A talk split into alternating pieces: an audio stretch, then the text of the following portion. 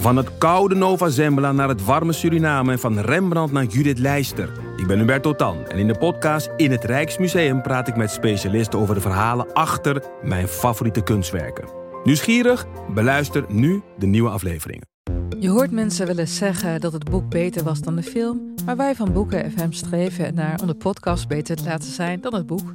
Wij lezen de klassiekers die je nog niet gelezen hebt. We lezen de boeken die je heel graag wil lezen, maar waar je eigenlijk voor schaamt om in het publiek mee gezien te worden. We lezen de Libris-winnaars. Uh, we praten over de Nobelprijslariaten. Allemaal zoals je een etentje hebt. Dat je moeiteloos mee kan praten en dat het lijkt alsof je helemaal belezen bent. Wij zijn Ellen, Joost en Charlotte van Boeken FM. En je kunt ons luisteren in je favoriete podcast-app.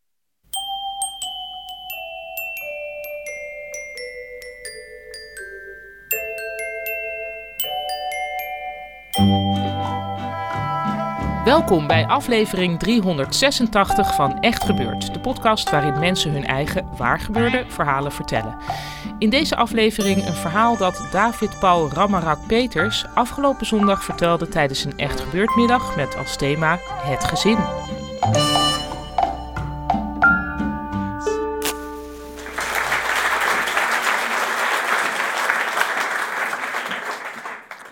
Ik ben uh, opgegroeid in een dorpje bij Eindhoven. En dat uh, was een heerlijke jeugd. In zo'n dorpje met heel veel kerken en rondomheen allemaal boerderijen. En uh, gewoon heel gezellig. Ik was uh, een van de weinige mensen van kleur in dat dorp. Samen met ons hele gezin. Mijn ouders hebben vier kinderen geadopteerd. Twee uit Sri Lanka, twee uit Brazilië. Mijn jongste broertje zat ook nog eens in een rolstoel met een meervoudige beperking. Dus we waren een behoorlijke kermisattractie. Kun je je voorstellen? En we waren ook altijd een beetje anders en apart en uniek. Maar ook wel prima en gezellig. Uh, toen ik opgroeide, toen voelde ik me altijd het fijnst als ik kon werken met kinderen. Vanaf mijn dertiende, veertiende ben ik veel vrijwilligerswerk gaan doen in de gehandicaptenzorg. En nou, daar voelde ik me altijd wat minder anders. En gewoon gezellig samen. Uh, vanaf mijn dertiende droeg ik ook een geheim bij me. Dus toen was ik anders, omdat ik er misschien iets voller uitzag. Anders omdat ik een van de weinigen van kleur was. En uh, ik was uh, homoseksueel. En in die tijd dook je dan meteen de kast in als je dertien was. En dan wist je ooit moet ik daar wel uitbreken. Ik hoop dat niet veel mensen nu ook nog in die kast hoeven te zitten. Ik weet ook dat er heel veel mensen wel 40 jaar in die kast hebben gezeten of er nu pas uitklimmen. En bij mij duurde dat ongeveer drie jaar. Uh, ik heb hele open-minded ouders, dus in principe was het niet zo'n probleem om uit de kast te komen. Want stiekem wist ik wel dat ze het prima zouden vinden. Maar zelf vond ik het wel een probleem, ook om het ze te vertellen. En ik ben iemand die altijd heel veel nadenkt, toen al. En als ik dan ging bedenken, wat vond ik dan het ergste? Het ergste vond ik, dan worden zij geen opa en oma via mij. Want tuurlijk, je kan adopteren, daar weet ik alles van. En je kan het via een donorkind, whatever. Um, maar wat ik sowieso niet mee wilde geven aan mijn kind was de vraag: waar kom ik dan vandaan? Hoewel ik daar ook al gebruik van heb gemaakt, zeker als puber. Want als ik dan echt ruzie had, ik kon tegen mijn moeder zeggen: Ik ben mijn moeder niet eens. Neemt ze me niet altijd een dank af. Maar die boodschap wilde ik nooit naar mezelf teruggekaatst krijgen. Dus op een dag besloot ik, ik moet het ze nu toch maar gaan vertellen, want dan wordt mijn leven wat vrijer en hoef ik niks meer stiekem te doen.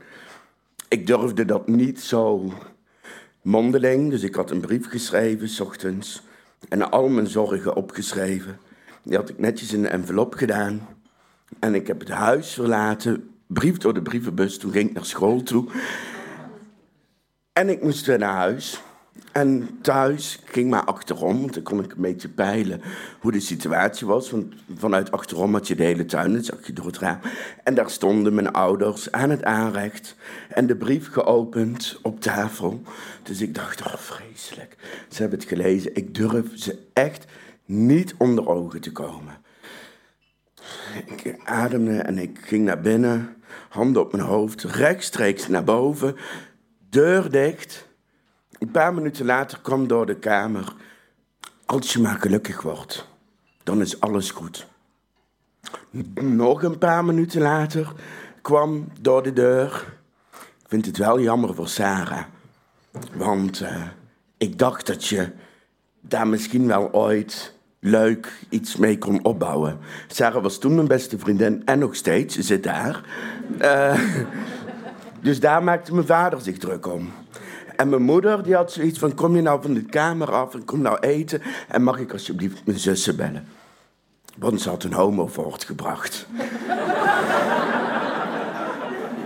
Ze maakte zich dus totaal geen zorgen over al die problemen die ik zag. En die kinderwensen en dat opa en oma worden. En voor mij was ruimte om te gaan leven, dus ik ging leven. Ik ging nog veel meer vrijwilligersprojecten doen. Ik ontdekte een plek in Frankrijk waar ik op een camping recreatiewerk deed. En met die kinderen dus altijd bezig was. En ik kreeg altijd te horen van uh, ouders ben zo benieuwd hoe jij later vader bent. En ik dacht altijd, daar hoef ik helemaal niet over na te denken, joh. Leuk, maar gaat mij niet gebeuren. Groeide op, kreeg carrière, kreeg een leven en ik ontdekte Tinder. En ja, moest ook liefde komen in het leven. En um, ik weet niet of je ooit getinderd hebt, maar ik tinderde altijd in van die cyclussen. Uh, want na vier à vijf Tinder-dates dacht ik altijd, nou nu is het wel genoeg. Want dan had je er weer een die alleen maar wilde drinken. Er eentje die hele heftige seksidee had. En dan bij de vijfde dacht je, nu moet ik even een half jaar rust voordat ik me er weer in werp. en net na de vijfde, einde cyclus, toen stuurde Ryan nog een berichtje net voordat ik van Tinder af wilde. En ik dacht, oh nee, daar heb ik geen zin in. Maar de foto zag er best aantrekkelijk uit. Uh, ik zeg, als je aanstaande zondag kan, dan wil ik prima met je daten. En anders, dan gaan we elkaar waarschijnlijk nooit meer zien. Want ik heb het heel druk op werk. Ik zit aan het eind van mijn Tinder-cyclus. en ik heb binnenkort vakantie. En tot mijn verrassing had Ryan zondag prima, Utrecht. We spraken om twee uur af. Ik kwam om kwart over twee. Dat hoort ook bij het tenderen, want dan kun je van tevoren zien wie daar op je staat te wachten. Dan kun je altijd nog omdraaien als je het nodig vindt. Maar bij deze, Ryan stond boven aan de eh, roltrap bij de lift. En ik, ja, heel romantisch, had een roos, een hele mooie volle baard, een stevig postuur, maar niet te dik. En gewoon echt een knappe man. Ik dacht echt zo, dit is de liefde van mijn leven.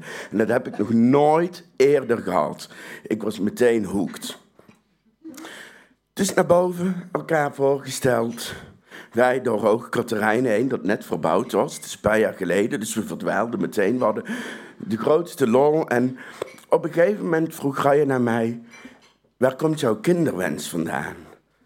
En ik dacht echt: Ik weet niet waar jij het over hebt, ik heb geen kinderwens. Ryan had in mijn Tinderprofiel gelezen. Die had mijn Tinderprofiel wel goed gelezen. Dat ik leuk was met kinderen. Dus had eruit opgemaakt dat ik een kinderwens had. Uh, ja, die heb ik eigenlijk niet. Ik denk dat ik wel een leuke vader zou zijn, maar uh, goh, wel heftig voor zo'n eerste date. Uh, jij dan? Ik heb wel een tin. Uh, geen tin. Ik heb wel een kinderwens. oh. Ja, en ik ben een transpersoon. Oh. Ik ben non-binair. Geen man, geen vrouw. Oh. En ik heb een lichaam waarmee ik een kind kan dragen. Oh. en ik was in shock en ik had dus... Ik had, en Ryan, die is altijd voorbereid. Dus die zorgt dat op Tinder alles uitgebreid staat uitgeschreven. Dus ik had prima al deze info kunnen weten, maar die wist ik niet. Dus ik dacht, oké. Dus, maar ik was dus ook echt super verliefd. En we hebben die date afgesloten met een zoen. En nou, gaan we elkaar nog eens zien. Maar daar moest ik dus dit keer wel echt over nadenken. Want ik zat heerlijk in mijn homobubbel. Maar als mijn toekomstige ware liefde non-binair is en geen man of vrouw is, dan weet ik niet of ik nog homo ben. Ehm, als het dan ook nog eens zo is dat hij een kind kan dragen, dan was mijn hele carrièreplan mislukt. Want dan zou ik misschien toch ooit vader kunnen worden. Dat is een hele vreemde gedachte in je hoofd. Maar goed, ware liefde overleeft alles. Ik stap een paar jaar verder de tijd in. En uh, Ryan en ik zijn getrouwd. En Ryan is zwanger. En uh, ja, we hebben in de tijd der jaren wel meegemaakt dat we waren bijvoorbeeld bij een huisarts en die, uh, nou ja, iets over trans en die vond het allemaal maar niks en probeerde ons ervan af te praten. Dus, nou ja, toch geswitcht naar een andere huisarts. En, maar het is dus altijd spannend als je dus anders bent dan anderen hoe mensen dan met je omgaan. En Ryan was dus zwanger. We hadden hier in het ziekenhuis in Amsterdam... kregen we de perfecte zorg. Maar ja, mocht het gebeuren... dan moeten de verloskundigen uit je eigen buurt ook uh, kunnen helpen. Dus daar gingen we mee kennismaken. Dus wij naar die uh, verloskundige praktijk bij ons in de buurt... Uh, geharnast. Zo van, nou ja, voor hetzelfde geld vindt hij het niks... En dan draaien we om. En dan geven we antwoord. We lopen die uh, praktijk binnen. En uh, ze negeert Ryan. Ryan liep voorop, trotse drager. En ze kijkt volledig Ryan niet aan. Dus ik dacht echt, oké, ik ga hier iets van zeggen. En precies op het moment dat ik mijn hele speech voor bereid, kijkt ze mij aan. Ziet er goed uit, hè? Begint al flink te groeien. Het enige. Door het is echt gebeurd.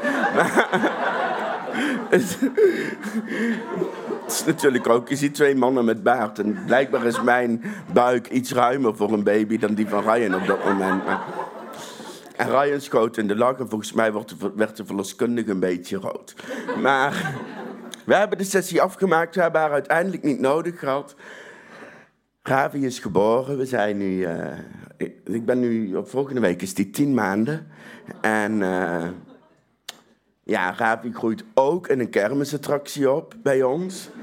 Maar weet in ieder geval wel dat wij de ouders allebei van Ravi zijn. En dat uh, die iedere dag heel veel liefde van ons voelt.